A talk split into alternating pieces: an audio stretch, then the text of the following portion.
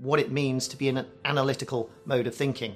Now, when we consider what analytical thinking is about, uh, people always tend to, to think that it's all about logic, um, it's all about left brain type of skills. Well, in fact, good analytical thinking is still a whole brain activity. You still have to be generative whilst you're being analytical.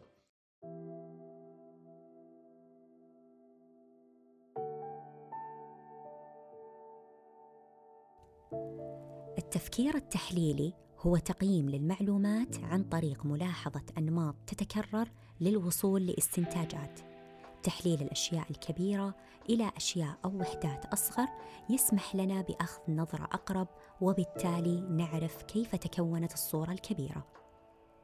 التفكير التحليلي مو بس لعالم البيانات أو الباحث، حتى في حياتنا العملية أو حتى الاجتماعية مهم نحلل الأمور من حولنا لنفهم أكثر. مهارات هذا النوع من التفكير هي عبارة عن مجموعة من القدرات اللي تسمح للإنسان أن يجمع، يرتب، يتصور ويقيم المعلومات. بالتحليل نقدر نختار خطوتنا التالية صح، نحل مشاكل معقدة، نجد إجابات مبتكرة ونتخذ قرارات ذكية خالية من العواطف. خذ هذا المثال في حياتنا اليومية. لو يوم تأخرت عن الدوام وتكرر هذا الشيء وقتها مهم تحلل ليش هذا السلوك يتكرر ترجع خطوة ورا تلقى إن في كم مرة خلص بنزين السيارة فتسأل ليش والله لأن صحيت متأخر طيب ليش لأن سهرت الليلة اللي قبلها وما أخذت كفايتك من النوم؟ بهذا التفكير التحليلي عرفنا إيش المشكلة وأسبابها وبالتالي صرنا نعرف إيش لازم يتغير. لكن السؤال هل نحلل كل شيء؟ هناك اتفاق بين الباحثين إن لما توصلنا معلومات ونبدأ نفكر فيها لاتخاذ قرار ما يكون في نوعين من التفكير.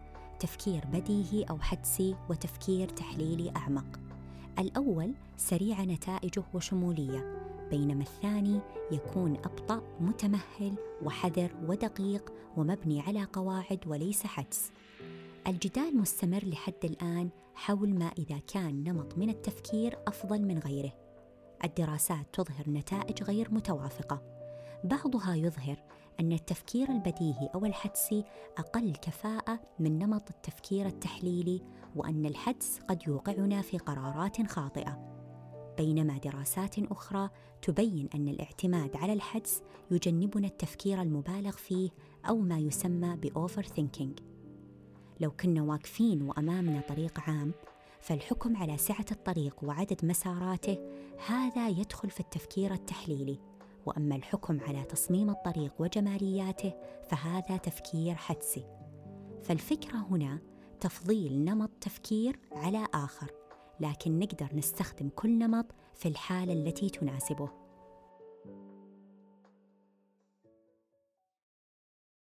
analytical thinking does not kill creativity.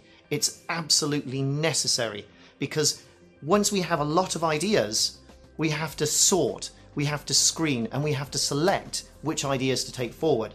But how do we do that? And how do we do that in a way that keeps our minds very open so that we can continue to be generative? ولأن كلمة التحليل نفسها تعني فحص الأشياء بالتفصيل لكشف المزيد عنها لازم نقسم مهارات التفكير التحليلي نفسها إلى أجزاء أصغر وخطوات محددة نبدأ منها ومن ضمنها أولاً الكتابة. فإذا نبغى نعرف في البداية هل تفكيرنا سليم، خلونا نراقب طريقة كلامنا أو كتاباتنا، هل هي واضحة وتوصل الرسالة اللي نبغاها توصل؟ أم هي معرضة لسوء الفهم وتوصل مشوهة كثير من الأحيان؟ الكتابة وطريقة كلامنا ما هي إلا انعكاس لطريقة تفكيرنا. لا يمكن لأحد أفكاره غير مرتبة أن يصدر منه كلام مرتب. يعني نضمن أن تكون أفكارنا واضحة للآخرين فقط إذا كانت واضحة بالنسبة لنا. وهذا غير كافي كمان، لأن حتى لو كنا نشوف أفكارنا بوضوح قبل أن نكتبها أو ننطق بها لازم يكون في محصول لغوي نسقط هذه الأفكار على مفرداته.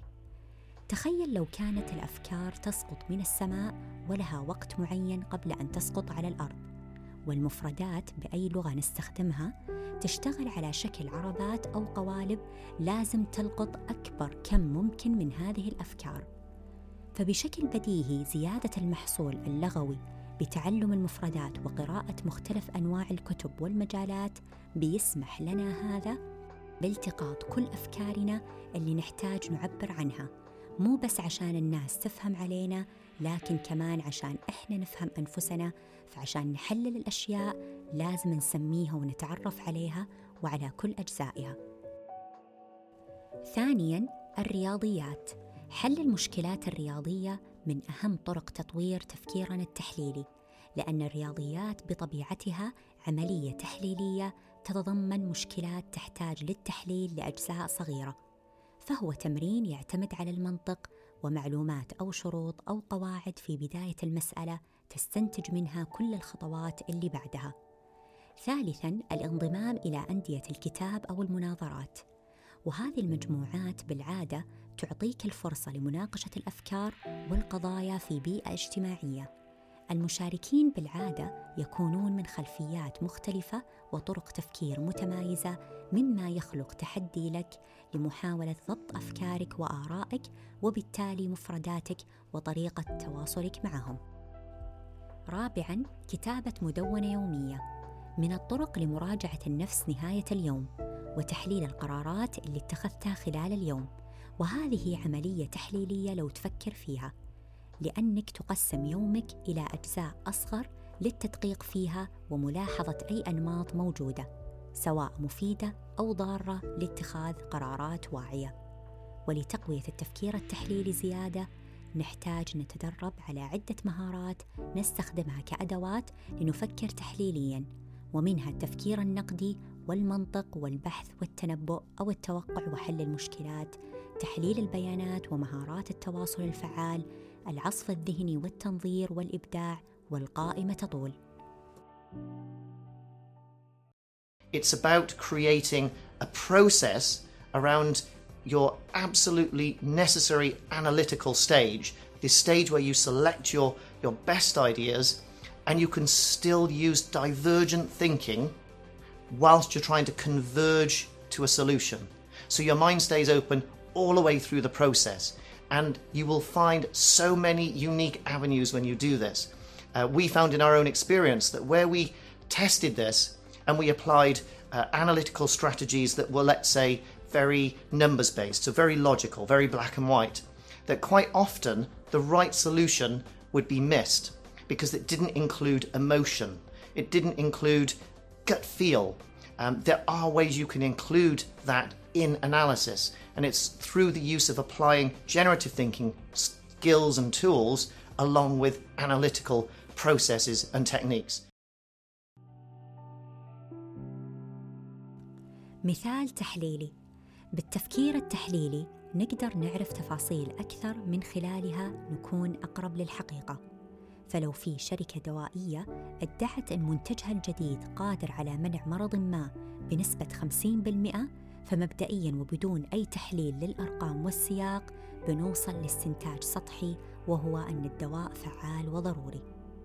ولكن لو عرفنا مثلا هذا المرض الفلاني أساسا ينجو منه أكثر من 99% ممن يصاب به بحيث الدواء يشتغل فقط على آخر واحد في المية وفرصة تعرضك للمرض تقل بشكل بسيط من 0.1 إلى 0.05 صح هذا نزول بنسبة 50% بس هل هي 50% فعالة مؤثرة؟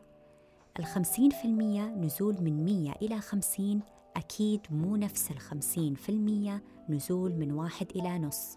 وقس على ذلك.